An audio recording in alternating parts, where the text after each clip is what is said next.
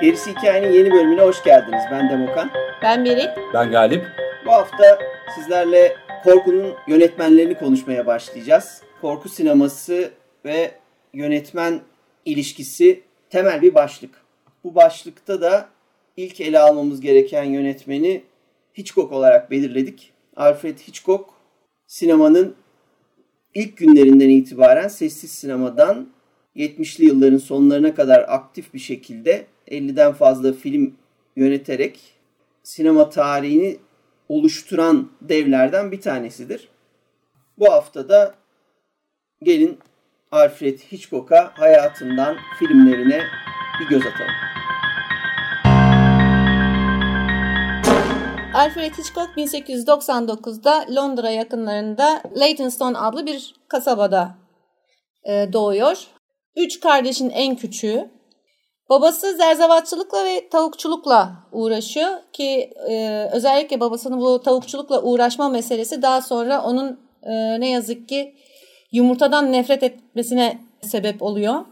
Yalnız bir çocuk. Yani diğer e, dehalarda gördüğümüz galiba önemli bir özellik bu. Alfred Hitchcock'ta veya kendi sevdiği takma adıyla Hitch.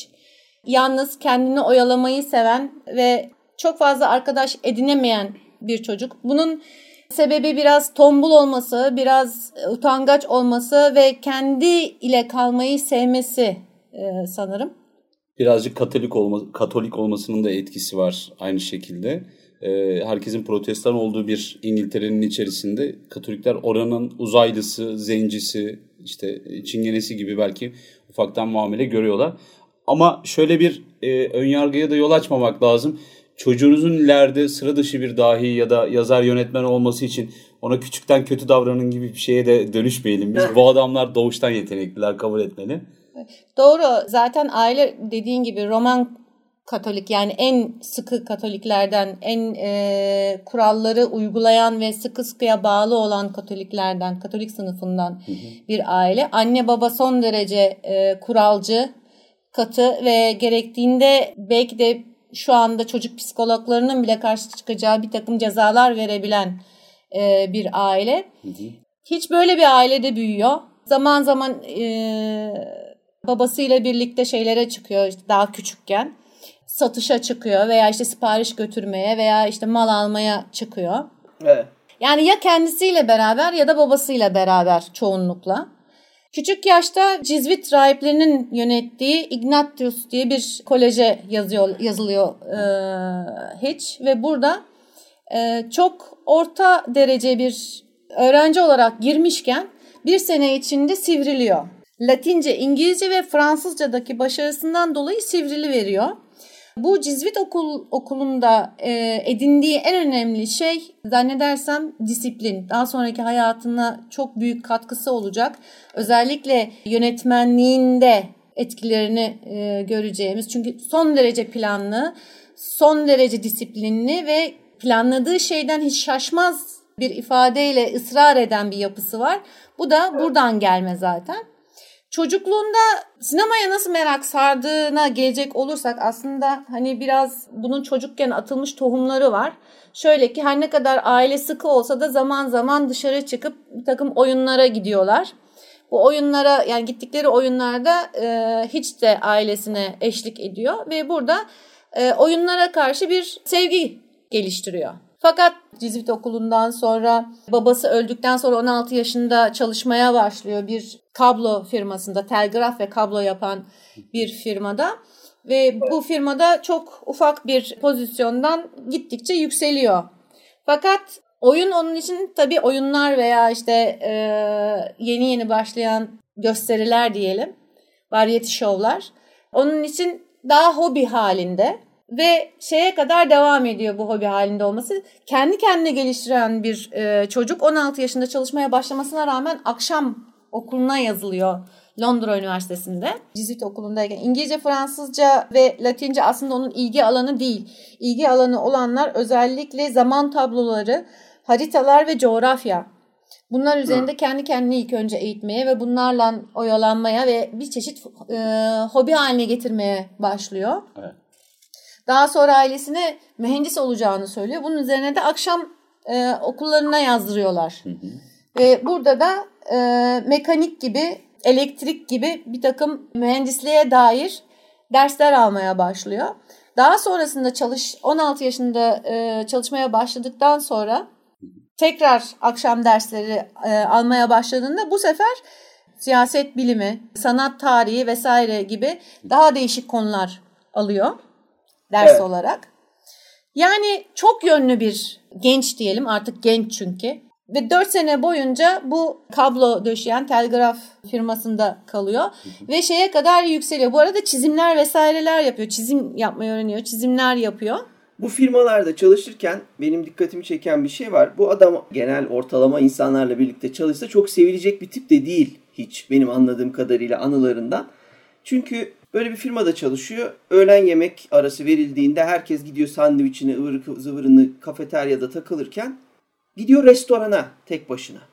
Ciddi oturuyor böyle şaraplar, etler, yemeğini yiyor. Sonra prosunu içiyor. Her zaman böyle bir kendini ayıran, asla o sabah 9 akşam 5 çalışan rutinin içinde kaybolmayan, her yere kendi özelliğini böyle sokan garip de bir adammış. Evet zaten bu çizim dersleri alıp çizime başlamadan evvel bunu bir e, bölüme veriyorlar. Bu bölümde bir, bir takım kayıtlar giriyor. Anlattığı üzere hiç ilgilenmediği ve ilgisini çekmediği için biriktirip biriktirip son anda hepsini hallediyormuş. Fakat çizimleri e, fark edilince bu reklam bölümüne geçiyor ve firmanın reklamlarını ve liflet dediğimiz bu broşürlerini tasarlamaya başlıyor. Zaten e, o sıralar tabii film endüstrisi de başlamış ve e, evet. e, duyuyor ki Londra'da bir stüdyo açılacak. Bir Amerikan firması. Bir Amerikan firması bir stüdyo açacak. Sinema endüstrisi başladığı tarihten itibaren Hiç'in de ilgisi e, bu alana kayıyor ve buna dair pek çok magazin okuyor. Fakat okuduğu magazinler öyle hani aktrislerle, aktörlerle veya işte dedikoduyla alakalı magazinlerin olmasının yanı sıra e, tamamen teknik yani e, film endüstrisinin esas yapı taşlarını oluşturacak mühendislik gerektiren, bilgi gerektiren evet. işte sesti, çekimdi vesaireydi gibi şeyleri e, yayınlayan magazinleri okumaya başlıyor. İleride de bu işin çok ekmeğini yiyor gördüğümüz kadarıyla. Hı hı. Bu temelleri burada bu merakla attığı şeyler daha sonra ileride çekim tekniklerinde, optik illüzyonlar yaratmada. Ondan sonra e, bizim devrimin söylediği şey vardır. Çizgi romanla sinemanın ayrıldığı yerler diye aynı anda iki yere fokus olmayla vesaireyle böyle değişik yöntemlerle ve buluşlarla baya baya hani ekmeğini yemek kaba oldu ama hı hı. şey baya işini görüyor. Üstelik buluş da yapıyor. Yani o da diğer yönetmenlerden ayrılıyor böyle. Bu sinema aslında biraz adamı benim anladığım kadarıyla hiç değiştiriyor. Şimdi sete gitmeye başlıyor bu dediğin dönemlerden sonra sete uğramaya meraklı bir şekilde. Arkadaşları var onlarla oraya girmeye çıkmaya başlıyor. Ve yalnız bir adam olmasına rağmen böyle daha utangaç başlamasına rağmen hayatına mesela bir sette çalışmaya başladığında öncelikle title designer e, olarak böyle bu fragmanlarda en başında filmin jeneriğinde isimlerin yazıldığı kısmın tasarlayan kişiler var. Ciddi bir başlangıcından itibaren bu sektörde her iş bir dala ayrılmış ve title designer diye bir şey var. Title'ları tasarlamaya başlıyor. Ama mesela sanat yönetmeni olan arkadaşı e, o gün işe gelmeyince bir sanat yönetmeni bulmamız diye ortalıkta gezerlerken ben yaparım onu da yaparım diyerek mesela o işi de üstleniyor. Derken aynı filmin birkaç e, şeyini yapmaya başlıyor. E, yani bayağı girişken bir tipe dönüşüyor sürecin içinde. Bu dönüşmesinin hikayesi de aslında birazcık fiziksel görünümüyle de alakalı diye düşünüyorum. 1916-17 senesinde şeyde 1914'te babasını kaybediyor. Ondan sonra şimdi bu tarz adamlarda babayı kaybetmek önemlidir. Sonuçta bir Katolik okulundan geliyorsun. Baba bir rol modeli, yarı tanrı görevinde bir şeyde pozisyonunda duruyor. Bir de orada etkili bir nokta var. Babanın işini damat devralıyor e, bu sefer annesiyle birlikte kendisini geçindirmek için çalışmaya başlıyor zaten. Hı hı. Ve şeye orijinal olarak doğduğu bir ara taşınıyorlar çünkü şeye Londra'ya başka bir yere taşınıyorlar. Tekrar doğduğu yere geri dönmeye e, zorunda kalıyor kasabaya. Evet. Ama işte aynı çocukta bu anneye geçindirmek ki anne de çok önemli bir figür. Anneden ayrılmıyor ömrü boyunca neredeyse. Aynı çocuk bütün akranları savaşa giderken savaşa gitmek çocuklar gençler arasında sadece milli bir duygu değil bir moda haline geldiğinde askere alınmıyor obez olduğu için. Ondan sonra teknik okulda okurken ya da işte ne bileyim Cizvit okulundayken falan kendini göstermesi için bir çıkış noktası. Hep hep bir şeyleri olması gereken bir adam bu. Yani bazı insanlar doğuştan şanssızdırlar ya. Belli bir fiziksel bir güzelliğe sahiptirler. İnsanlar onlara karşı direkt bir ön yargı yapmaz, şakalar, takılmalar olmaz falan. Ee, evet. Hitchcock tam tersi vaziyette var etmek zorunda kendini gibi bir durum var. Sette de şimdi abi sen daha iyi biliyorsun ama sinema endüstrisi özellikle o zamanlarda bir hani bir Amerikan tabiridir bu. Bir köpek balığı havuzu. Shark pool evet. dedikleri bir şey vaziyetinde. Birincisi herkes giremiyor. İkincisi içerideki pozisyonlar tutulmuş kapılmış vesaire durumda. Üçüncüsü kendini göstermen gerekiyor. Biri eğer sete gelmediyse görüntü yönetmeni atıyorum işte title'ları hazırlayan şu bu dekoratör falan gelmediğinde bir boşluk açılıyor. Sadece o günlük bir fırsat haline geliyor. Orada da kendini gösterdin gösterdin. Şimdi Hitchcock'a baktığımızda kendini göstermek zorunda olan 16-17 yaşında genç bir çocuk. Çizimler yapıyor. Teknik okulda okuyor. Anneye bakmak lazım. Oydu buydu derken o el kalkıyor yani. Ben yaparım bunu. Evet, evet. Ki yapıyordu. Bir başka nokta daha var. Bu girdiği stüdyo e, Famous Players Larsky denilen ve Paramount Picture'ı doğuran ve Paramount yani onun çalıştığı şey zaten Paramount Picture'ın şeyi, branşı. Evet. Fakat İngiltere'de yeni açıldığı için çok ciddi alınmıyor. Yani iş yapıp yapmayacağı belli olmadığı için biraz daha lakayt bir stüdyo. Daha küçük çaplı. Daha küçük çaplı. Yani daha evet. az bütçesi var. Daha az önemseniyor o evet. dönemlerde. Bu yüzden de her hani her işin bir adamı olmanın yanı sıra aslında hani vardır ya öyle küçük çaplı şirketlerde bazı insanlar kilit adamlardır. Her işi yaparlar. Her iş hakkında bir fikirleri vardır. Evet. E, bu da evet. öyle bir adam Haline pozisyonuna geliyor. geliyor. Evet. İşte ona agile diyorlar artık. Acil şeydi, eleman. Aktif ve dinamik. Tabii tabii. Çok çevik bir arkadaşımız. Ve zaten bu özelliğinin ardından kendi sinemasını e, oluşturmasında temel olacak e, bir hareket var burada. O da bir Alman filminin çekimleri için UFA Alman prodüksiyon firmasına e, setine gidiyor. Hı hı. Ve buraya gittiği zaman Alman dışa vurumculuğunun zirve yaptığı dönem 1920'ler ve orada birden dünyanın en büyük setlerine giriyor.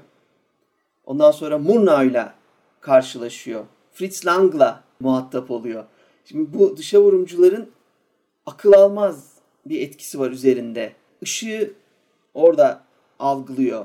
Seti kullanmayı, kamera kullanımını, alt açıları, dik tepeden üst açıları vesaireyi kullanmayı hep bu abartılı dışa vurumculuk etkisiyle aslında tanıyor, görüyor, öğrenmeye başlıyor aynı dönemde oraya gittiği için Rus sinemasından da ister istemez etkileniyor. Rus sinemasından etkilenmek de 1900'lerin başında montajdan etkilenmek demektir.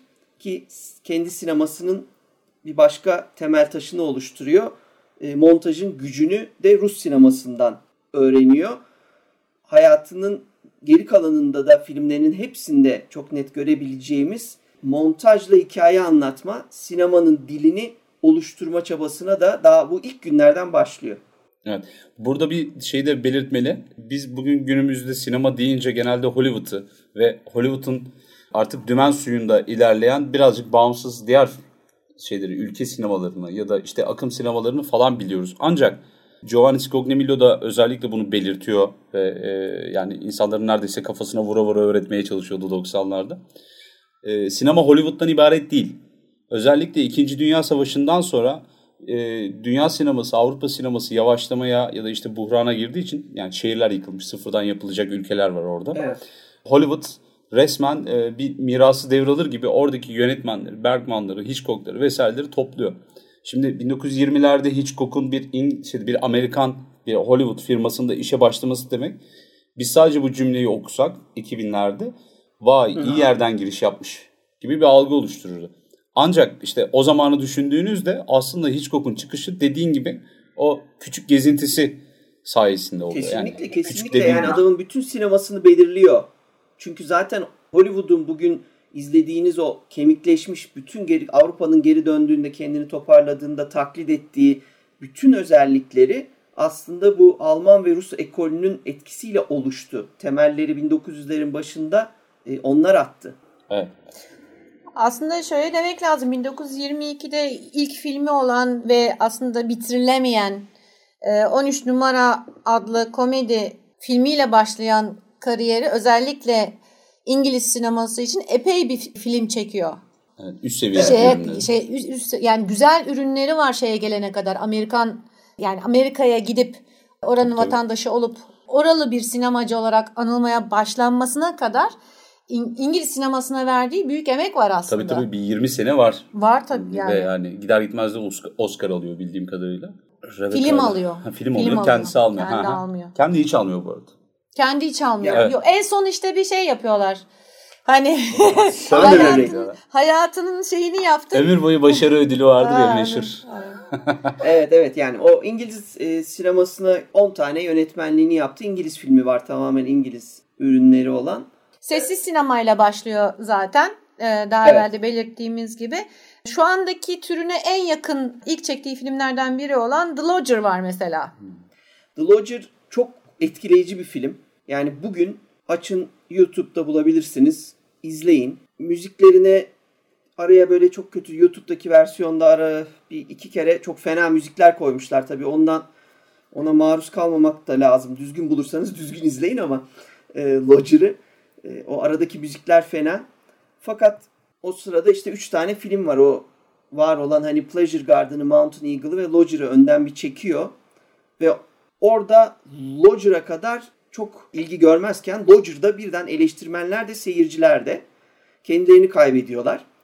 Yapım firması kaybetmiyor bu arada tabii kendini. Yapım firması Lodger'ı fazla sanatsal tırnak içinde bulduğunu söyleyip uzun süre depoda bekletiyor. Ama çıktığı anda film firmanın ne kadar yanıldığı ortaya çıkıyor.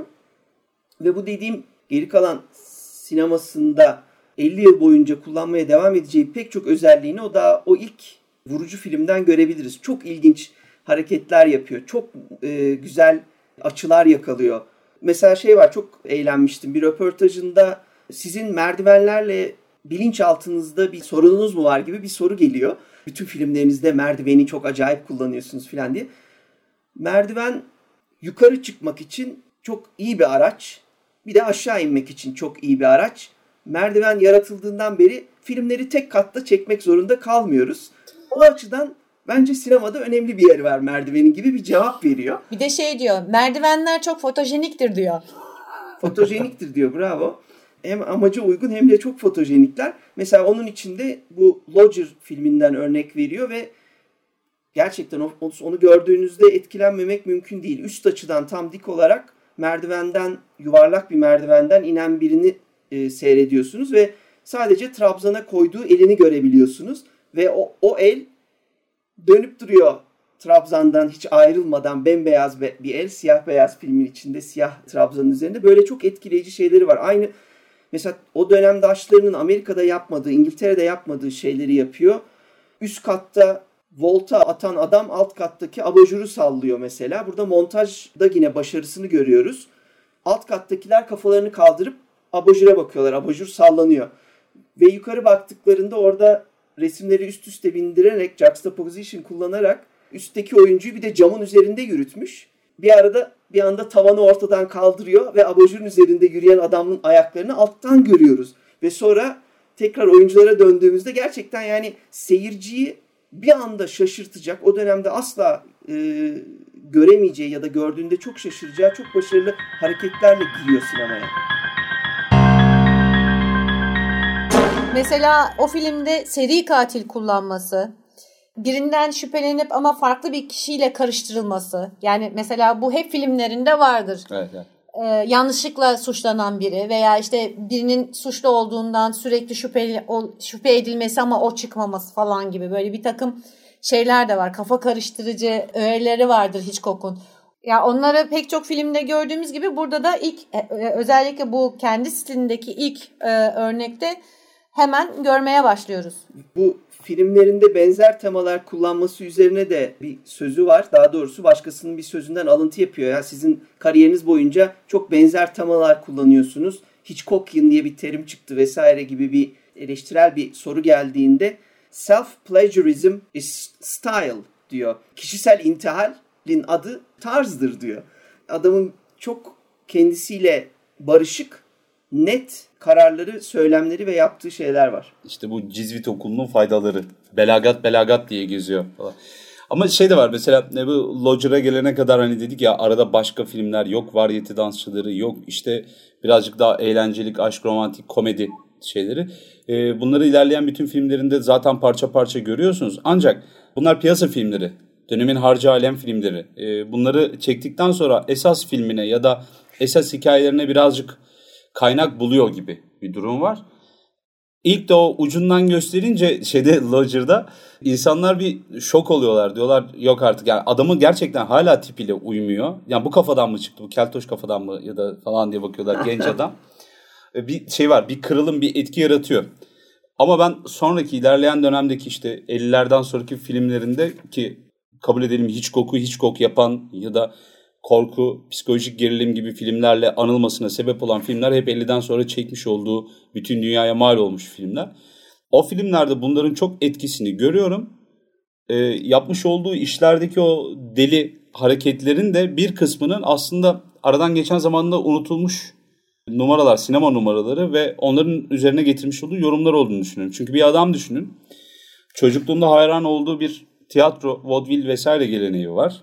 Yani bir canlı e, performans üzerine bir gelenek var. Bütün İngiltere'nin ve bunun ailesinin saygı duyduğu. Ondan sonra sessiz sinemaya tabiri caizse mutfağından giriyor. Set dekoru da yapıyor, ışıklarla da uğraşıyor, kamera da itiyor.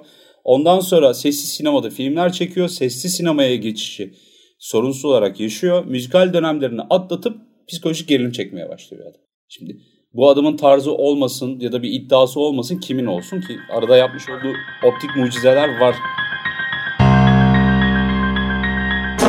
Şeyden sonra Lodger'dan sonra zaten drama çekiyor, müzikal çekiyor, romantik komedi çekiyor ta ki 1929'a kadar.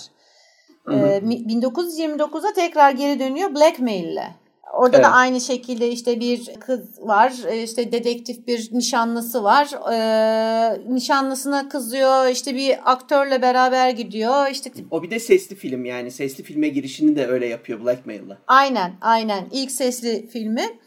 Kız da tecavüze yelteniyor. Yanlışlıkla bir cinayet var orada ama onun bütün gerilimini çok iştahlı bir şekilde işliyor diyebiliriz bu filmde. Özellikle sesli olması da zaten artı İlk e, kara şeyi. filmlerden biri galiba o da. Aynen öyle. Bir de şöyle de bir şey var. Senin demin dediğin yani sessiz filmden geliyor olmasının en büyük artısı bence zaten daha sonra da bunu e, nasıl derler hep şey yapacak yani yücelteceğini göreceksiniz. E, sinemanın hani saf temiz olmasını yani resimlerle gösterilmesi gerektiğini sesin ve diyaloğun daha sonra gelmesi gerektiğini savunuyor hep. Bir hikayeyi anlatırken. Evet. Evet yani şimdi iki tane ayrı dil var sonuçta. Bunu biz e, uyarlamalar bölümünde de biraz e, değinmeye çalışmıştık. Özellikle batıdaki sinemacıların hiç dahil olmak üzere e, çoğunlukla edebiyattan beslendiğini düşünürseniz mesela sorduklarında filmi kitaptan uyarlarken nasıl bir yol izliyorsunuz dediklerinde kitabı en fazla iki kere okurum sonra kapatırım bir daha da asla bakmam der. Çünkü yine güzel laflarından biri good literature does not make good pictures. İyi edebiyat, iyi sinemayı e, getirmez demek istiyor. Evet. Bunun sinema diline çevrilmesi lazım. Ve kendisi Beril'in de dediği gibi karşılıklı konuşan kafalar çekmek mesela en sevmediği şeylerden biri. Çünkü o durumu anlatan bir kişi sözlü anlatıma dönüşüyor. Adam çıkıyor şimdi bunlar olacak vesaire diyormuş kadar lüzumsuz aslında. Evet. Bazı durumlarda çok gerekli olmadığı sürece. Mesela orada söylediği bir şey var. Yani sinemanın e, resimlerle ve karelerle anlatılması gerektiğini söyleyen. O da şu. Doldurmanız gereken e, bir sürü sayfa değil, bir dikdörtgendir, beyaz bir dikdörtgendir. Bunu doldurmanız gerekir der. Evet ve şu da onun için önemli. Diyor ki sessiz filmin bir tane sorunu var. O da insanlar konuştukları zaman ağızlarının oynaması ama ses çıkmaması. Lüzumlu olduğunda o sesi duyabilmemiz gerekiyor. Sessiz sinemada bu olsaydı eğer daha fazla sese gerek kalmazdı gibi bir tanımlama yapıyor. Yani bu yüzde yüz e, doğru bir saptama olarak yanında durmasak da bugün anlatmak istediği şey sinema diliyle bir şeyleri anlatabilecekken, görüntüleri ve müziği kullanarak insanlara belirli duygular hissettirebilecekken, montajla insanları manipüle edebilecekken fazladan diyalog koyarak sözlü anlatıma gerek yoktur sinemada diyor. Tabii daha sonra ileride bunları birazcık da esnetiyor kendi bu bahsetmiş olduğu iddiaları. Uzun diyaloglara da yer veriyor hikaye anlatıcılığında. Fakat oyuncuların oynatmayı bilen adamlardan. Yani o diyaloglar size batmıyor. Siz de karşılıklı bir konuşmanın hemen içindeymişsiniz gibi. Kendinize dahil oluyorsunuz bir şekilde. Kişiler karşılıklı konuşup hikayeyi katman katman açarlarken diğer filmlerinde görüyorsunuz. Yönetmen olarak son dönemlerinde özellikle çok da yönetmeyi, oyuncu yönetimini sevmedi. Yani bu otör sineması dediğimiz her noktasından her şeyi kontrol eden adam bugün çok var olan bir adam değil sinemada ama o günlerde çok moda ve bugün oyuncu yönetimi sinemanın geldiği yer dolayısıyla da çok önemliyken o günlerde o öyle düşünmüyormuş gibi görünüyor. Verdiği röportajlarda hep oyuncuları çok fazla yönetmeye çalışmadığını, onlardan tek istediğinin senaryo okumaları olduğunu. Bu biraz ee, azarlama ya, lafı. Değil mi ama? Yani yani öyle bir şey ama kendi işinin onlara tek yapması gereken yani kendi işinin yanlış yaptıklarında bunu ona söylemek olduğunu filan söylüyor. Yani hani yanlış yaptınız diyeceğim. Doğrusunu yapana kadar da çekeceğiz bunu diyeceğim. Ee, benim işim oyuncularla olan ilişkim bu kadar gibi e, aslında iddialı sözlerle söylüyor. İngiltere'de yapmış olduğu filmlerden bazıları önemli. Mesela en önemlilerinden bir tanesi The Man Who Knew Too Much. Evet. Burada bir e, çocuk kaçırma olayı var. Aynı zamanda bir mesajın yanlış ele geçip yani çok masum kişilerin eline geçip onları zor durumda bırakması var. Bu bir çift çocukları kaçırılıyor.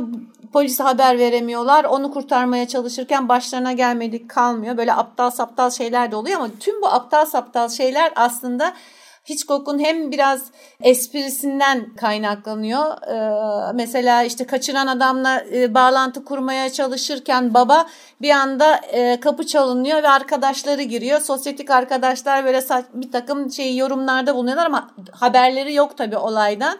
Yani o stresi düşünebiliyor musunuz? Siz o anda öyle bir durumdasınız ki yani senin saçmaladığın şeyler benim umurumda bile değil diye bağırasın geliyor. Aynısı evet. kuşlardaki bar sahnesinde de oluyor. Yani Aynen. kuşlar okula saldırdılar çocukları buraya kaçırıp getirdik diyorlar. Kadının bir tanesi çıkıyor emekliymiş ve yani kuş uzmanıymış. Anlatıyor şu kadar tür var bilmem ne kuş saldırmaz kardeşime falan geliyor. 15 dakika evet. boyunca kadına inanmıyorlar. En sonunda kuşlar mı saldırdı? Toplu halde mi saldırdı falan demeye gider. Ama ben ilk dakika söyledim bunu falan. o da bayağı gerilimli bir andı yani. Aynen öyle. 39 basamak var. Mesela önemli yapıtlarından bir tanesi. Bu da John Britton'in kitabından uyarlama.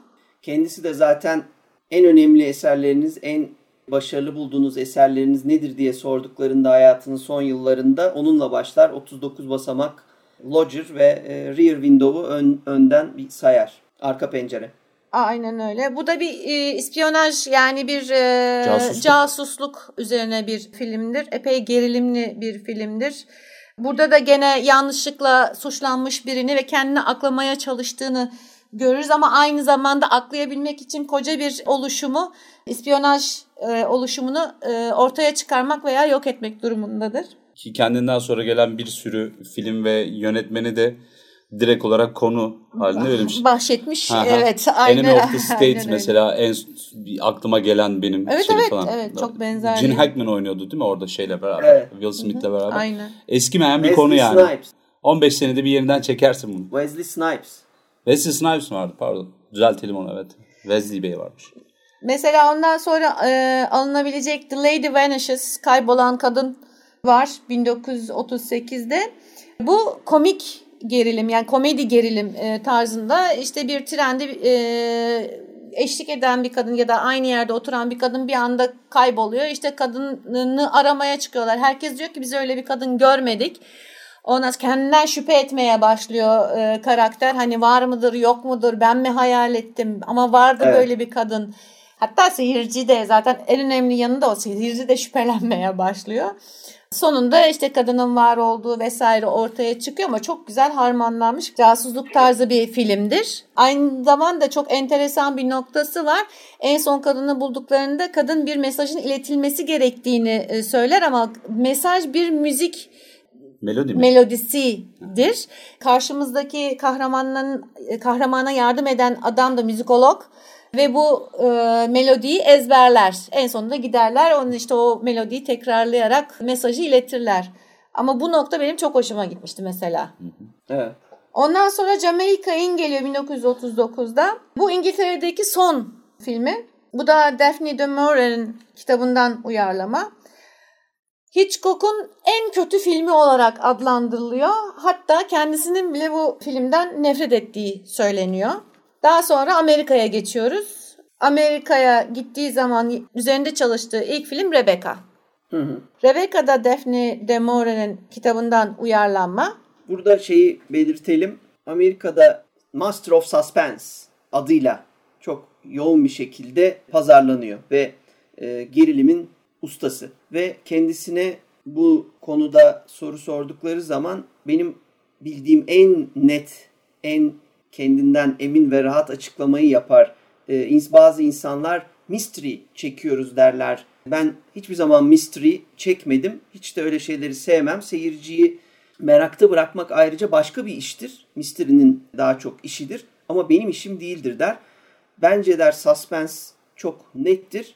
Siz gerekli bilgiyi seyirciye verirsiniz fakat aktörlere vermezsiniz. Ve aktörlere vermediğiniz için o bilgiyi seyirci çok uzun süreler boyunca gerilim yaşar ki aman oraya girme orada bilmem ne var işte o kutunun içinde şu var açma vesaire gibi şeyi söyler. Yani şaşırtmak 10 saniye sizi heyecanlandırır ama gerilimi bir saat sürdürebilirsiniz der. Ona bir tane de örnek veriyor.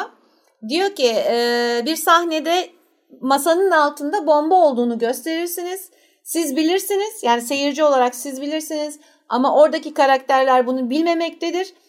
Patlarsa bomba sürpriz olur. Evet ama patlamazsa o epeyce bir gerilim olur. Fark etmez zaten patlayıp patlamayacağı gerilimi. Çok da önemli. Yani onu yaratmış olduğu gerilim o hikayeyi bir saat boyunca götürecek hale geliyor. Evet.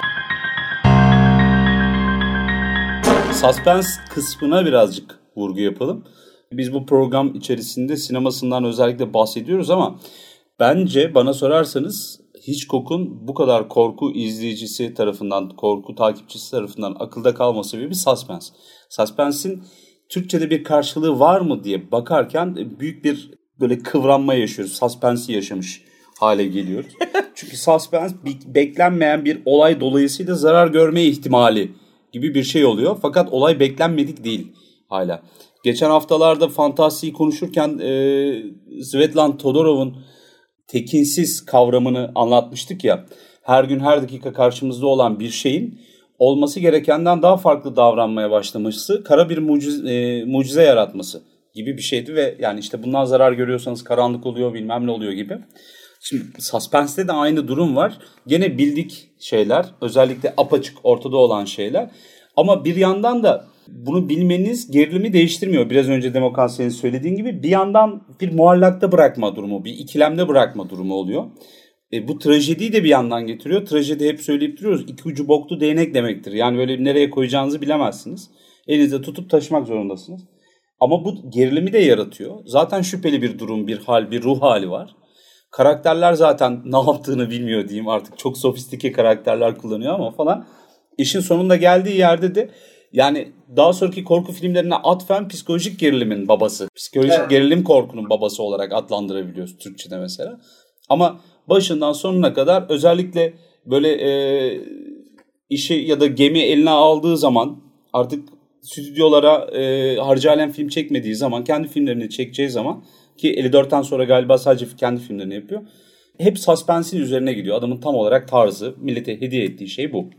Ki öncesinde de aslında Hitchcock'un temelde İngiltere'de dediğim gibi yaptığı işlerle bir isim olarak Amerika'ya geldiği için bir yandan Amerikan sinemasıyla da erken döneminden itibaren muhatap olduğu için belirli bir yazılı olmasa da bir anlaşması var. Stüdyolara karar verilen sürede ve karar verilen bütçenin içinde her zaman film teslim, teslim etmek üzerine sözü var. Ama bunun karşılığında da stüdyodaki kimseyi sete almıyor. Yani setlerinde neredeyse hiçbir zaman stüdyo etkisini göremiyoruz, görmüyoruz. Çünkü buna izin vermiyor. İlk dakikadan itibaren kendi filmlerini yani Amerikan sinemasında çok nadir olan o otör sinemasını e, iyi örneklerinden bir tanesi. Ben bir, bir an hızlı gideceğim deminki suspense ile ilgili filmler açısından.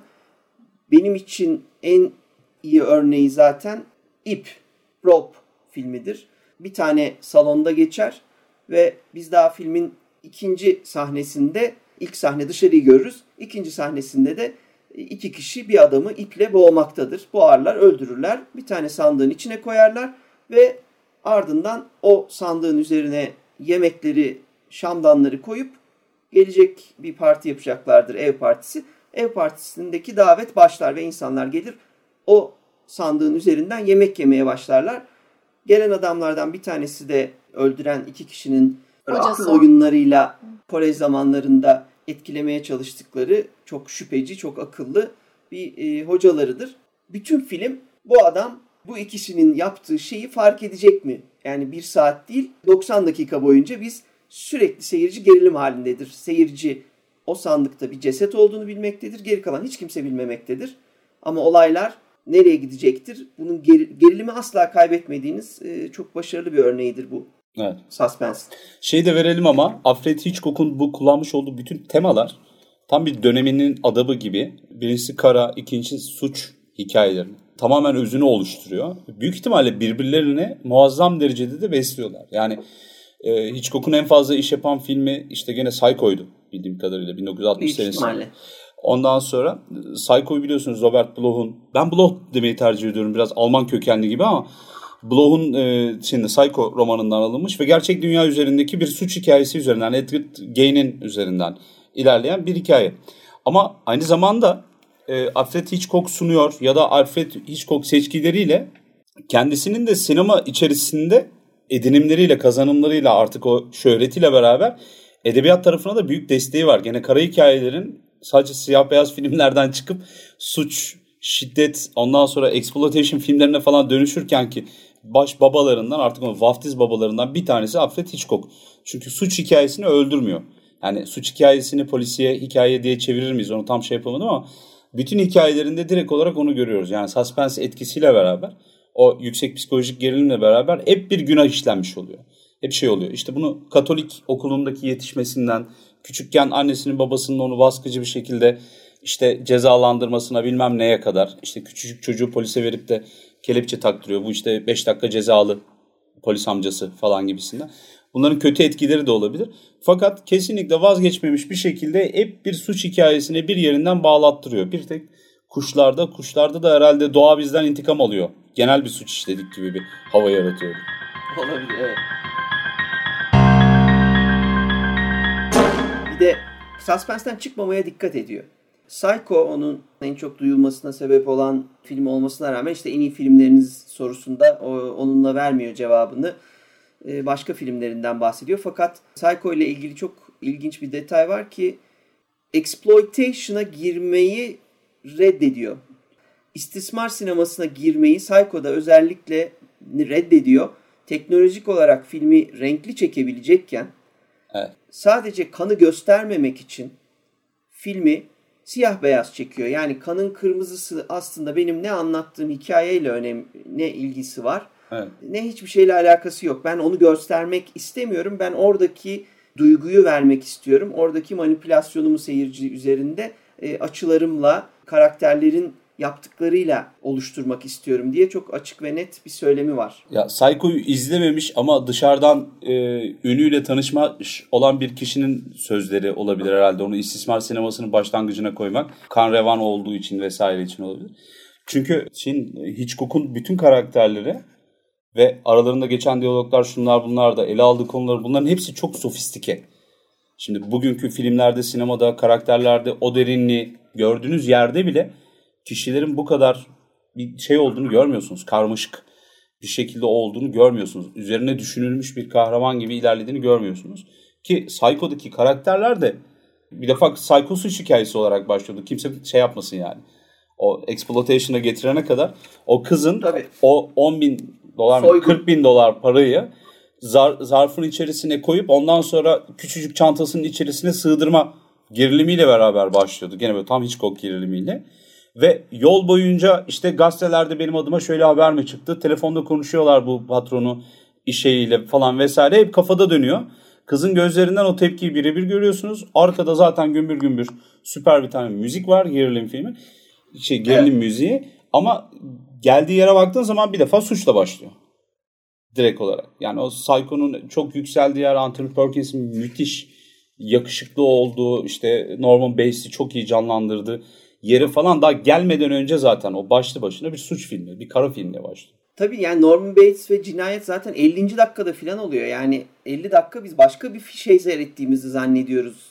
O evet, aslında evet. o gerilim ve daha sonra bir sürprizi de var aslında sinemasının e, o anlamda. Çünkü kitabı okumayanların bilmesi mümkün olmayan bir başka bir suç filmi izlerken birden film e, o sapığa e, ismi dolayısıyla e, tahmin ettiğiniz noktaya filmin yarısından sonra geliyor.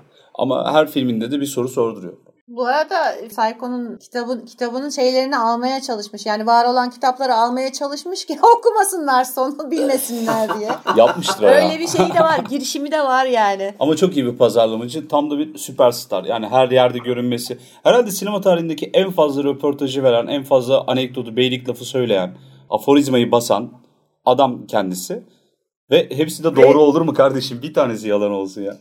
şey olmasına rağmen bu. Ben aslında pek de röportaj vermem. İşte kendi kendime yani aslında gerçekten de röportaj sayısı açısından çok yoğun değildir ama sonuçta sürekli hem filmlerde kendini kullanıyor hem fragmanlarda tanıtım filmlerinde kendini sürekli kullanıyor. O açıdan e, çok renkli bir karakter. Bu adamı e, zaman bir zaman da şeyle suçluyorlar. Yani filmlerini mesela şey eleştirmenlerden bazıları e, filmlerinde içerik yani derinlik olmadığını savunuyor. Alfred Hitchcock'un buna bir cevabı var. Diyor ki bir diyor ressam diyor çizdiği elmanın diyor ekşi mi tatlı mı olduğunu diyor umursamaz diyor. Önemli olan diyor o çizdiği şeyle stiliyle o duyguyu verebilmesidir diyor. Benim yaptığım da bu. Evet. Yani derinliği kendi stilimde veriyorum diye böyle e, güzel kapak bir cevap veriyor o, o kapaklarından biri de benim çok eğlendiğim şey vardır. Filmlerinizde yalnız burada tabii İngilizce bir e, olduğu için Türkçe'de aynı olmayan işte onlar e, özellikle o dönemde filmlere pictures diyorlar. Yani bizde resimin karşılığı olarak filmlerinizde çok fazla kadın kullanıyorsunuz. Kadınlara normalde verilenden daha fazla rol veriyorsunuz. E, bu konuda ne düşünüyorsunuz dediği zaman yine picture kelimesini kullanarak hani resim picture'larda kadınları kullanmak e, tarihi bir özelliktir. Bakarsanız şey resmin geçmişine kadınlar zaten hep orada vardı gibi bir cevap veriyor. Burada başka bir şey daha var. Bir de diyorlar ki hep sarışınları kullanıyorsunuz. Sarışın aktrisleri kullanıyorsunuz. Yani bilinen bir sarışın severdir kendisi. Ama şöyle e, söylüyor. Sarışınlar diyor bakir bir kar gibidir. Şeyi kanı gösterir, kan izlerini gösterir. Evet. O kadar saf dokunulmamış görünüyor ki falan. Tabii o, o dönemler aptal sarışın şeyinin e, olduğu zamanlar. Evet ama filmlerinde... aptal olmuyor genelde. Evet genelde filmlerinde sarışınlar aptal olmuyor. Yani tamam böyle zor durumlara düşüyorlar ama kimi zaman hatta suçlu olanlar onlar tabii, oluyor. Tabii tabii tabii. Ee, çok akıllıca e, Marion'un şeyi de, gibi geliyor. Ha. Hı. Kimi zaman şey yapıyorlar yani öldürülmekten zekalarıyla kurtuluyorlar. Ya da böyle e, meraklı e, oluyorlar. Tabii tabii ikircikli olmalarıyla hmm. yırtı veriyorlar o şeyden başları belaya girmesinden. Hatta mesela Arka Pencere benim de en sevdiğim filmlerinden biri. Mesela orada da karakterin sağduyusu bir yandan olan bir kadın vardır. Mesela Grace Kelly orada sürekli ayakları yere basmasını istediği çılgın fotoğrafçıyı kontrol eder ama bir noktadan sonra da cesareti ve merakına yenilip gider e, karşı pencerede olan e, Adama. olayı çözmek için gizlice balkondan karşıdaki suçlu olduğunu düşündükleri adamın evine girer. Bu kadar da cesurdur. Hem cesurdur, hem akıllıdır, hem ayakları yere basar. Çok etkileyici bir karakterdir. Orada zaten arka pencere filmi yani ilk bir 20-30 dakikası adamın ayağı kırıldıktan sonra işte çok sıcak bir şeydi New York yazında adam kendi kendine hayal geliyor gibi. Çünkü birazcık oradaki diyaloglar monolog haline geliyordu. İşte şeyci kadın nedir adı e, fizik terapi Masaj, masöz. Ha, ha, masör kadın geliyor. İşte o bir şeyler anlatıyor. Diyor ki o kızı kaçırmamalısın vesaire öyle konuşuyorlar. O hala şüpheli kendi içinde bu kadar müthiş bir ilişki olamaz. Bu arada tabii bu filmin arka tarafındaki sadece konuşmalar. Film açılış itibariyle o adamın niye ayağının alçılı orada yattığını, ne iş yaptığını 15 saniye içerisinde açılışta veriyor. Ben e, daha başarılı bir hikaye anlatım görememiştim yani. Mükemmel gerçekten çünkü açılışın ardından oturan adam kırık bacak, sonra bir fotoğraf makinesi, sonra çekilen araba kazasının fotoğrafını gördüğümüz zaman Kırık fotoğraf o kadar makinesi güzel. Evet. yani o kadar güzel bir bir tane kamera hareketiyle tek planda durumu net bir şekilde anlatıyor. Şeyi söylemek istiyorum. Şimdi biz bugün ya bu bu planlar işte çok sinemanın temelleri aslında. Sanki hiç önemli değilmiş gibi izlediğimiz e, pek çok şeyi bu adamlar e, temellerini atıyorlar. Rus sinemasının demin bahsettiğim gibi sinemanın ilk yıllarında yaptığı şeyi Alfred Hitchcock da çok iyi kullanır. Arka pencerede bunun için çok güzel bir örnektir mesela.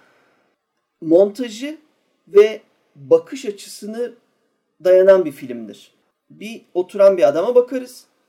Bir sonraki kare adamın baktığı yerdir. Arka pencereden gördüğü görüntüdür, dairelerdir. Daha sonra orada olan bir şeyin sonucu olarak tekrar adama keseriz ve adamın tepkisini alırız.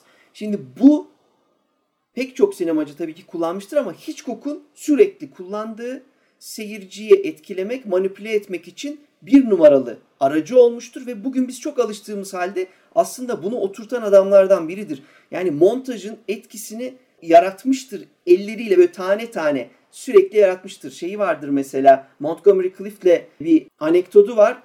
Montgomery Clift bir metot aktörü. E, Her şeyin hissetmesi lazım. Olduğu gibi hissettiği gibi oynaması lazım vesaire. Hitchcock diyor ki bir adamı adamın biri gelecek bir otele girecek. Otele girerken de kafayı kaldırıp bakmasını istiyorum. Çünkü orada bir sonraki ben karede otel yazacak. Oteli yazdık oraya koyduk. Onu görmemiz lazım. Onun da adamın görmesi lazım. Montgomery Clift bana ben bence burada kafamı kaldırmam dedi diyor. Valla istersen kaldırma o zaman çekemeyiz filmi. Sen de hiç bu işi yapamamış olursun. O kafayı kaldıracaksın dedim diyor. Çünkü anlaması mümkün değil çünkü montajı bilmiyor diyor. Stilini şöyle toparlayabiliriz aslında. Ben mesela adım adım onu söylemek istiyorum. İlki seyircinin zihne. Yani seyircinin bakış açısına hi- hitap etmek. Seyircinin ne gördüğü önemli. Yani senin ne gördüğün değil, se- seyircinin ne göreceği önemli. Çok pardon hemen o arada söyleyeyim. Üçüncü şeyde arka pencere filminde açılıştan itibaren ilerlerken oradaki ayağı kırık fotoğrafçıyla görürken aslında biz arka tarafta yani o bahçelerin bakmış olduğu alandaki diğer binaların camlarını dikizleyen ayağı kırık fotoğrafçı haline geliyordu Evet. izleyicide. Ve sen de o adama dönüşüyorsun. O adam gibi fikir yürütmeye başlıyorsun. Kendi psikolojini işin içine katıyorsun. Galiba onun en zirve yaptığı yer orasıydı. Çünkü ya bildiğin kamera gibi kullanıyordu seni. O perde bir kamera haline dönüşüyordu. İşte zaten o yani seyircinin zihni dediği şey de tam söylediğin, tarif ettiğin şey. İkinci adım olarak duygunun çerçeve içine alınması. Çerçeve içindeki duygu. Yani yakın çekim. Ee, karakteri yakın çekerek o anda veri, verdiği tepkiyi veya o anda hissettiği şeyi gözlerinden veya mimiklerinden Evet. anlamak. Onun yerini de hemen söyleyeyim. Çünkü bir harita gibi bulabileceğiniz bir yerde duruyor. Kuşlar filminde bu bardaki sahneden hemen sonra işte e, benzin istasyonunda benzin doldururken bir anda kuş saldırısıyla bayılan adam elindeki pompa yere düşer. Oradaki benzin aşağı doğru gider. Bir başka arabanın orada bir patlamaya sebep olur. Patlamadan sonra şey olacaktır. Nedir adı? Benzin yerde olduğu için benzin bir anda alev alacak. Öbür taraftan benzin istasyonunda havaya uçuracak. Tam o anda dört kare halinde Tipi Hedren'in suratını tam o sahnenin içerisinde parçalar halinde sadece fotoğraf şeklinde çekilmiş kareler gibi görürüz. A, Ü, bilmem ne falan. Şu an yüz halimi düşünün. Sessiz film ya da işte böyle küçük kareler halinde bakışlar. Yan yana montajlar geliyor. Bu dediğin 60'larda olan bir sineması. Hemen Lodger'a dönelim. Genel plan lambanın altına bir kadın eğilir ayakkabısını bağlayacaktır. Genel planda üzerine bir gölge düşer. Üzerine düşen gölgeden sonra biz kadını yakın plan görürüz. Kafasını kaldırır ve çığlık atar. Gözler büyür. Üzerinde o gölge vardır. Derken o çığlığın üzerine bir, bir kadın ve çocuğunu görürüz. Onlar kafayı çevirirler. Sese doğru belli ki. Derken bir tane sepetin içinden fırlayan bir kedi görürüz. Ve bunların hepsi işte o orada o cinayeti açıklayacak. Bütün o tepkiler sessiz sinemada adam sesin etkisini ne kadar güzel vermiştir Evet, dış dünya nasıl davranıyor olan bitene gibisinden. Yani böyle izole bir vaziyette gerçekleşen bir şey değil bu gibi. Aynen öyle. Üçüncü adım kamera kamera değildir. Bu da kameranın kamera gibi hareket etmemesi tam tersine izleyici gibi hareket etmesi. Yani gösterilen bir sahneyi aslında kamera değil izleyici görüyormuş gibi veya izleyici dikkat etmiş onu orada görmüş gibi. Mesela işte yerdeki bir para dolu bir zarfı göstermesi ve sen Aa, orada bir ipucu görmen gibi. Tabii tabii. O da örnekte Psycho'dan galiba. Psycho'daki e, Norman Bates'in şeyi kaldırıp çerçeveyi işte kaldırıp e, kızı soyunuyor muydu orada? Tam o sahnede gördüğü an duşa Evet. girerken ki insan gözüne en yakın çekim olarak o zaman patentlenmiş vaziyette bayağı da meşhur olmuş bir şey. Dördüncü adım dialog means nothing. Yani diyaloglar hiçbir şey ifade etmez. Siz resimle vermediğiniz sürece duyguları ve o anki durumu diyalog hiçbir şey ifade etmez. Buna da en yakınsadığı ya da daha sonra ilham verdiği yer galiba Hong Kong'un Blood Opera tabir ettiğimiz e, bu aksiyon filmleri, dövüş filmleri. Çünkü onlar da suratta e, şeyin darbenin etkisini gösterip hemen bir anda zoom out yapıp geri kalan genel sahneyi alırlar ve fazla da konuşmazlar. Direkt olarak şeyi gösterirler ya. Biz buraya niye geldiysek onu yapıyoruz falan kesin. Neyse başka bir örneği de var da bu program kaldırmıyor şimdi onu anlatmayalım. Beşinci adım Demoka'nın söylediği az evvel e, örnek verdiği şey point of view edi- editing yani bakış açısı e, editi. O da aynı söylediği gibi ilk önce sahneyi gösterir. Ondan sonra karakterin suratını görürüz. Tekrar sahnede bir şey gösterir ve gene e, karakteri görerek onun verdiği tepkiyi görürüz. Bu da aynı rear window'daki gibi, arka penceredeki gibi işte köpeğin toprağa eşelemesi, ilk önce karakterin hani ne olduğunu anlayamaması ama sonra şüphelenmesi, tekrar karaktere döndüğünde sahne onun şüphelendiğini Tabii tabii e, kaç oradan görmemiz. adam gelecek şimdi köpeği öldürecek mi acaba falan diye geriliyorsun izlerken. Değil mi? köpeği yana içiyor ondan sonra orayı suluyor veriyor. o da bir tabii Ve tekrar element. tekrar görüyoruz orada James Stewart'ı. Bu sefer rahatlıyor. Yani bütün o tepkiler seyirciyi mesela bir arkadaşına şey demiş.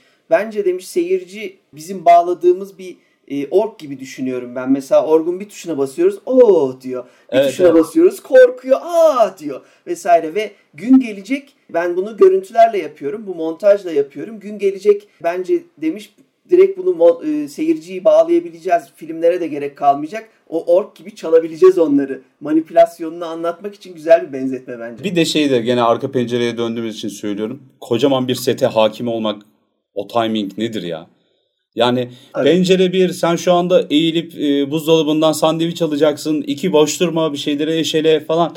Ya gerçekten abi o bilmiyorum tiyatro buna hakim biliniyor fakat ama o müzikallerde falan olacak iş değil o. Yani bayağı Yok büyük tabii bir yani arka bölümde olanlar dışında ara sokağı da görüyor ve ara sokakta bir bar var dışarıda çocuklar oynuyor araçlar geçiyor yani üçüncü bir boyut da katıyor adamın dairesi var avlu var sonra aradan gördüğümüz bir de e, arka sokakta olan olaylar da var çok geniş bir alanı ha- hakim kullanıyor gerçekten. Bir de işte insanların yakınlık duyabileceği bir yer. O esnada işte orta sınıf ve şehirli evinde arka bahçeden baktığında ne görebilir gibi bir havası var. Bir de Friends dizisindeki ev vardır ya.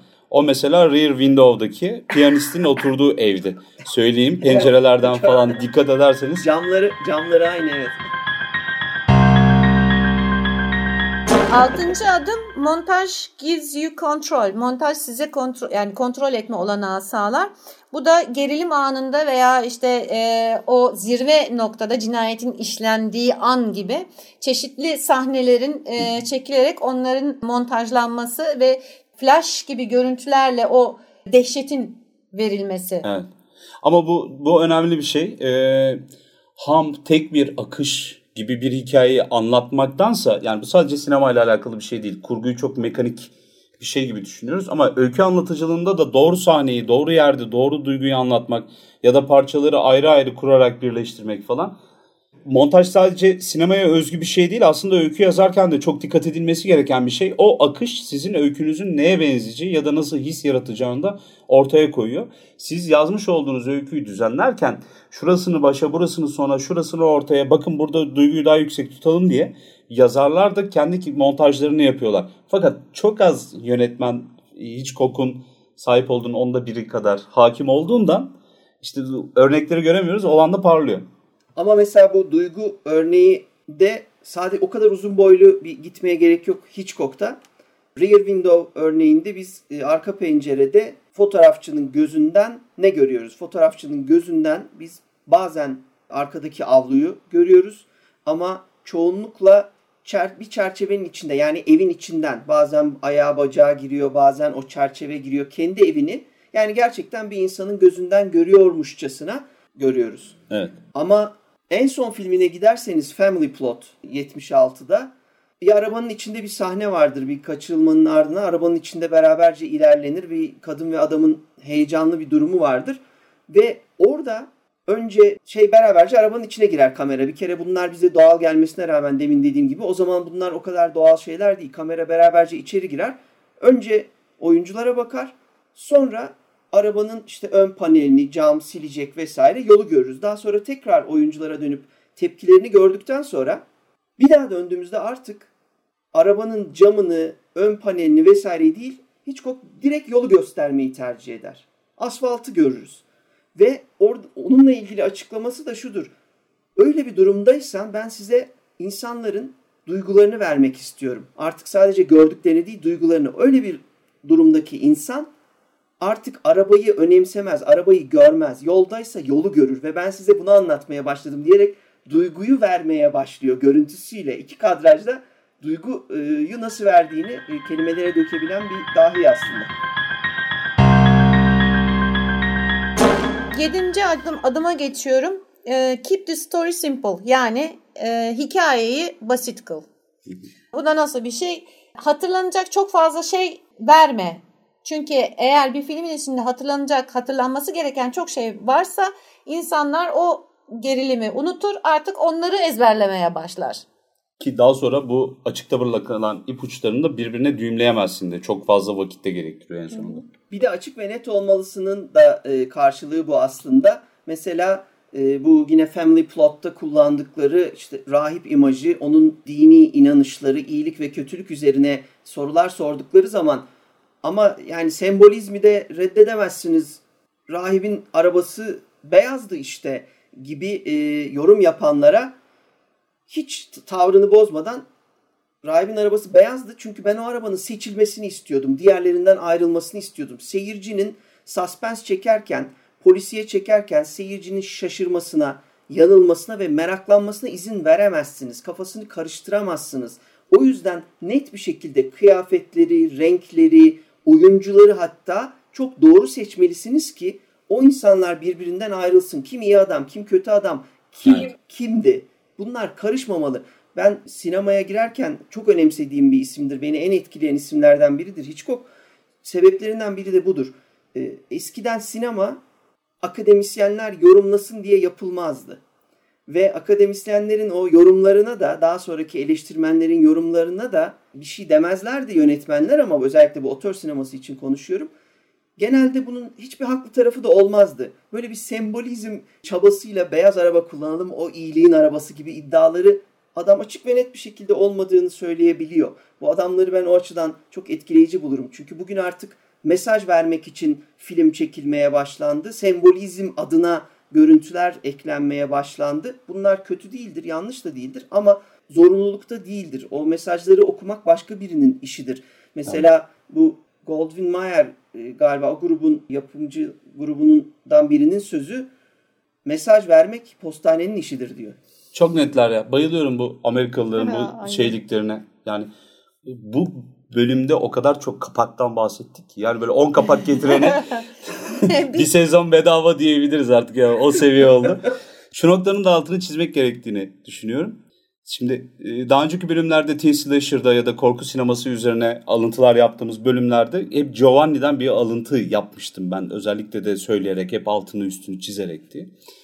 Ee, televizyonun işi değiştirmesi, sinema izleyicisinin profilini bir daha tanımlaması ve sinema salonlarını birilerine terk edilmiş gibi göstermesi gibi bir durum var ortada. Şimdi 50'lerde 60'larda 40'larda film yaptığınız zaman oraya giden insanların belli bir seviyesi olduğunu da inanıyorum ben. 1980'de doğmuş bir adam olarak. Onların hikaye anlatıcılığı hani bugün otör diyoruz başka bir şey diyoruz falan işte çok edebi tarafı olan yok yaratıcı yönetmen diyoruz. Bunun altında katmanlı karakter yaratabilmiş ne güzel falan vesaire. Ee, ben yönetmenin zaten böyle olmasını gerektiğini düşünüyorum. Fakat izleyici bunu kaldırabilecek seviyede mi günümüzde? Hani o hale geliyoruz. Yani Hitchcock hem döneminin hem de bugün de olması gerektiği gibi filmlerini çeken adam şimdi getirip o filmleri koysak dünyanın en sıkıcı filmi. İşte uyuduk uyuyorduk ondan sonra son 15 dakikasında uyandık zaten hikaye orada patlıyormuş gibi. Bunun örneğini şöyle vereyim. Bunu diyecek herhangi birisine tavsiye olarak Kendini the Train. Strangers in the Train'i seyretmelerini tavsiye edeceğim. Ve böyle çılgın aksiyon müzik, ateşler, motor sesleri, koşturmaca, silahlar patlar vesaire muhteşem bir film çıkıyor ortaya günümüzde. Ama bütün efektleriyle çılgınca sinema e, oyuncuyu, dekoru vesaireyi kullanmaksızın tamamen bilgisayar efektlerini de katarak bambaşka yerlere gitti sinema. Strangers in the Train'in trendeki yabancıların buyurun son sahnesini seyredin. Yani Alfred Hitchcock Orada bildiğiniz bir dönme dolabın içinde bir kavga sahnesi çeker ve görüp görebileceğiniz en büyük heyecanlardan birini yaşarsınız. Yani o dönme do- dönme do- ya çocuklar var içinde. Dönme dolaptaki kavga sahnesi ve sonra efekt kullanmadan neredeyse sadece sinema tekniğini kullanarak sinemada görüntüleri üst üste bindirerek bir dönme dolap kazası yapar çeker ki ve film ama bütün film sizi oraya doğru taşır zaten ve o noktaya geldiğinizde yaşadığınız heyecanın bence hiçbir karşılığı yok. Hiç kimsenin kolay kolay yapabileceği bir iş değil bu. Ve evet. hiçbir efekte, hiçbir şeye e, yoğun bir şekilde ihtiyaç duymadan, bilgisayara ihtiyaç duymadan yapılmış gerçekten seyircide duygu yaratmak üzere montajı yine mükemmel bir şekilde kullanmış bir yönetmendir. Evet.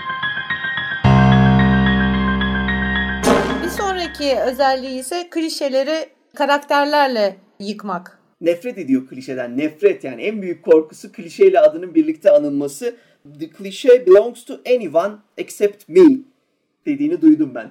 Ee, o, o da şöyle filmdeki karakterlerin beklendiğinin tersine olması. Ee, nasıl yani siz e, kötü bir insanı e, çirkin e, veya işte yani evet, nefret edilesi bir tip olarak tasavvur edersiniz kafanızda.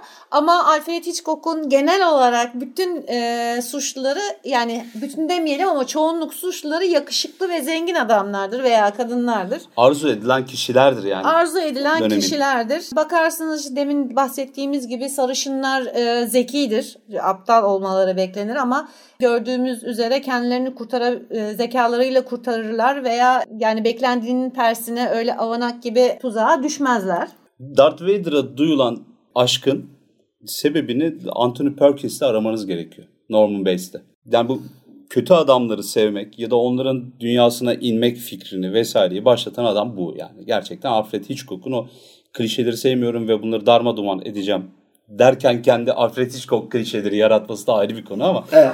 sonuç itibariyle kötü adama duyulan o yakınlığın ya da işte ne bileyim tutkunun başlangıç yerlerinden bir tanesi bu. Kara filmleri zaten gene ilk kara filmleri çeken kişilerden. Ama bir de bunu sürekli döndürüyor. Yani aslında hani biz klişe gibi görüyoruz bunları ama aslında klişe değiller. Yani bir filminde öyleyse bir filminde başka türlü. Yani senin beklentinin ötesine geçiriyor gene. Şüphelenmiyorsun. Yani hem şüpheleniyorsun hem şüphelenmiyorsun. Şimdi beklentin bilmem kaç tane değil. filmi olan bir adamın bir yerden sonra aynı filmi çekmesini en azından birkaç tane film atıyorum 100 tane film varsa 3 tanesini aynı konuyu işlemesi gerekiyor.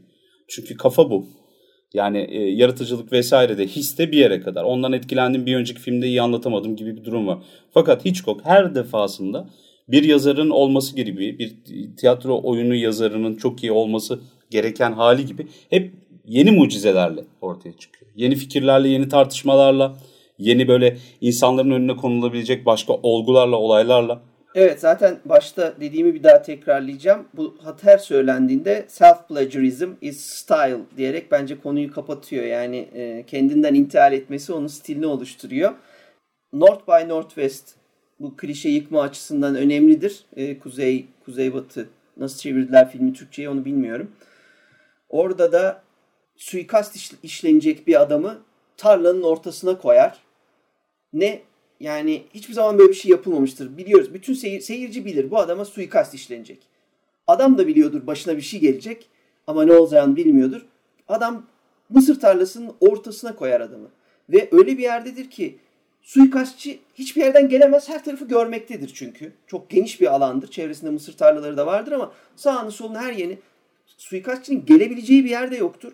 Ve suikastçı havadan düşer. Uçakla saldırırlar adama. Yani ee, Mesela filmlerde gerilimli e, noktalara e, espri katmak, esprili daha çok espri demeyeyim de biraz alaycılığa kaçıyor veya dalga geçmeye geçiyor o evet. olay. Yani mesela şeyde e, bu çok şey bilen adam hikayesinde işte James Stewart'a elinde kılıç balığıyla saldırılması gibi o şey arbede esnasında. Ama işte Victoria çağın sonlarını yaşamış bir İngiliz beyefendisinden, gencinden bahsediyoruz. Onların espri anlayışı biraz soğuktur. Şaka yaptığı zaman da böyle kılıç balığını eline verip birini öldürtmeye çalışıyor. Yani birazcık kendini ifade etmeye çalışıyormuş orada o sahnede diyelim. Şey atıfı da çok eğlenceli pardon. Unutmadan söyleyeyim bu şeyle ilgili yine North by Northwest'te kılıç deyince sen aklıma ister istemez Çehov geldi e, bir duvarda bir silah gördüysen o silah patlamalıdır e, meselesi geldi. North by Northwest'te de e, yine bu sahnede bir biçer döver var. Şeyi söylüyor yani bir biçer döver görürsen o biçer döver biçmelidir. dediğini duydum ben. Muhteşem yani bu espri anlayışı aslında bir yandan da çok gerçekten etkileyici. Aynı anda e, olan iki şey kuralı var. O da şöyle hani demin örneğini vermiştim işte çok şey bilen adamdan yine e, örnek vereceğim. E, kaçırılan kızlarının kaçıran kişiyle bağlantı kurmaya çalışıyor baba. İşte dediğim gibi o sahnede kapı çalınıyor ve bir sürü konuk geliyor. Onlar dırdır orada konuşuyor. Adam bir yandan ulaşmaya çalışıyor. Yani şey diyorsun yani orada iyice geriliyorsun artık. Arkadaşım bırakın da adam rahat rahat kızını kurtarsın diye. Ya o şeyi de katıyor. Daha evvel bahsettiğimiz gibi bilgi vermek seyirciye bilgi vermek işte dediğimiz gibi masanın altında bomba vardır ve patlayacaktır. Yani patlayacağını düşündürür izleyiciye ve izleyiciyi gerim gerim gerer. Hani o patlar mı patlamaz mı o kadar önemli değildir. Önemli olan orada olmasıdır. Ve kimsenin de haberinin olmamasıdır aslında seyirci Aha, dışında. Evet, evet, evet. Sondaki sürpriz ve geçişler ee, yani hiçbir şey beklediğiniz gibi değildir. Hep ee, ters köşe yapar. Hep ters köşe yapar. Siz suçlunun yakalanacağını beklersiniz. Ya intihar eder ya e, bir şekilde yırtar. Yani burada filmlerin sonunu söylememek, spoil etmemek namına şey yapmıyoruz ama her filminin sonunda e, inanılmaz bir twist, ters köşeye yatırma hadisesi oluyor. Yani her şey gözünüzün önünde gerçekleşip size bir gerilim yarattırırken en sonunda da söyleyebileceği yeni bir sürprizi oluyor. Yani büyük adamların büyük eserleri. Olarak da McGuffin denilen bir şey var. Aslında bu Alfred Hitchcock'un yarattığı bir kelime değil ya da bulduğu bir kelime değil ama kendine neredeyse yapıştırdığı bir kelime. Öyle söyleyelim. Bu da e, hikayenin içinde ya da e, filmin içinde bir obje veya bir e, mesaj veya e, başka şey halinde gelebiliyor. Hikayeye hizmet ediyor ama bu obje veya konu aslında hikaye için o kadar da önemli değil. Sadece hikayenin akışı için bir element. Açıklanmıyor aslında zaten yani önemli olan mesela bu T. Tarantino'nun işte çantasının Çantası. içinde duran e, o ışıklı ne olduğunu asla bilemediğimiz Pulp Fiction'daki çantada taşıdıkları şey evet. Hitchcockian bir şeydir. Hitchcock'a bir atıftır. Evet evet o şey diyorlar Marcellus Velus'un e, şey, ruhu diyorlardı. Ona parlıyor falan. Şey de işte ya bu kuşlardaki kuşlardı. İki tane muhabbet kuşu elde geziyor ya. Filmin sonuna kadar bunlar bir işe yarayacak Çehov şeyiyle beraber. Çünkü herkes elinde gezdiriyor bunları falan. Yaramıyor. Bir şeyden bahsetmek istiyorum. Şimdi e, bir yazar olun, bir e, yönetmen olun, bir ressam olun, bir başka bir şey olun. Ürettiğiniz her eser, bir müzisyen olun gene aynı şekilde. Her eser bir mucize barındırmalı diye düşünüyorum. Mucize derken yani göksel ya da işte ne bileyim çığır açıcı vesaire olmasına gerek yok. Mucizenin tanımı hikayelerin içerisinde değişiyor. Hikayelerin içerisindeki önem durumuna göre de değişiyor. İnsanlar sizin kitaplarınızı, filmlerinizi vesaire eserlerinizi, çıktılarınızı alırken en çok görmek istedikleri şey bunu bilerek de yapsalar, bilmeyerek de yapsalar hep o sıra dışı yaşamlarının ya da kendi yaşamlarının ya da kahraman kitabını aldıkları kahramanı başına gelen o sıra dışı iş. O kendi hayatındaki macerasındaki bu mucizeyi görmek istiyorlar. Ve e, bu mucizeyi yok saymak aslına bakarsanız seyirciyi, izleyiciyi yok saymak oluyor. Hitchcock hiçbir zaman yerin üzerine konulmuş bu antipersonel mayını gibi duran seyirciyi yok saymak hadisesine basmadı. Onu görüyorum. Yeri geldiğinde sansasyonel konulardan mesela bu Ed Gein'den bahsettik. Robert Bloch'un etrafını sallayan etrafı sallayan 1959 tarihli Psycho romanından bahsettik. Yeri geldi Birds'te 1961'de Capitola, Kaliforniya'da yaşanan bir toplu kuş ölümü ya da kuşların bir yere yığılması hadisesi vesaire. Bunların içerisinde hep bir mucizeyi, hep bir günahı, mucize bu arada ak bir mucize olmak zorunda değil, karanlık bir şey de olabilir. Sıra dışı bir şeyi hep verdi, hep anlattı ve insanları da bir şekilde çeken şey bu oldu. O sıra dışılık. Diğerlerinden ayrışma durumu oldu. Hani yayın evleri soruyorlar ya kitap dosyanızı beklerken sizi diğerlerinden ayıran şey neydi falan diye işte. Evet. Bu mucizeniz olması gerekiyor aslına bakarsanız. Ama bunu yayın evine sormayın. Çünkü kitabı okumadan insanlara böyle bir şey önlem vermek doğru değil. Gizemli suç hikayelerini psikolojiye dayanarak insan psikolojisini yok saymadan anlatan ve özellikle günah kavramını bayağı içselleştirmiş bir adamdan bahsettik Hitchcock derken. Çünkü işte Katolik okulunda okumanın getirmiş olduğu kara film zamanlarının içerisinde büyümüş bir adam olmasının kara hikaye zamanlarında işte kendi adıyla anılan bir janra haline getirmiş olması psikolojik gerilimi. Aynı zamanda da çekmiş Yaşarken olduğu... hem de. Efendim? Yaşarken hem de. Evet evet ama uzun yaşamış o yüzden. 1980'e kadar gelmiş böyle. Aynı zamanda da çok ilginç başka bir şeye de sebep olmuş bir adam. Filmleri o kadar etkili ki sahneleri Stephen King'e, Peter Straub'a, Clive Barker gibi büyük baba korku yazarlarına konu olmuş. Kullanılmış onlar tarafından. The Mist'teki bir yere kapalı olmak sahnesi mesela direkt olarak kuşlarda görülüyor. Ya da radyoyu açıp bir şeyleri dinleme, en sonunda dünyada ne oldu hadisesi. Başka yazarlar gene Mist'in içerisinde tutup görülüyor.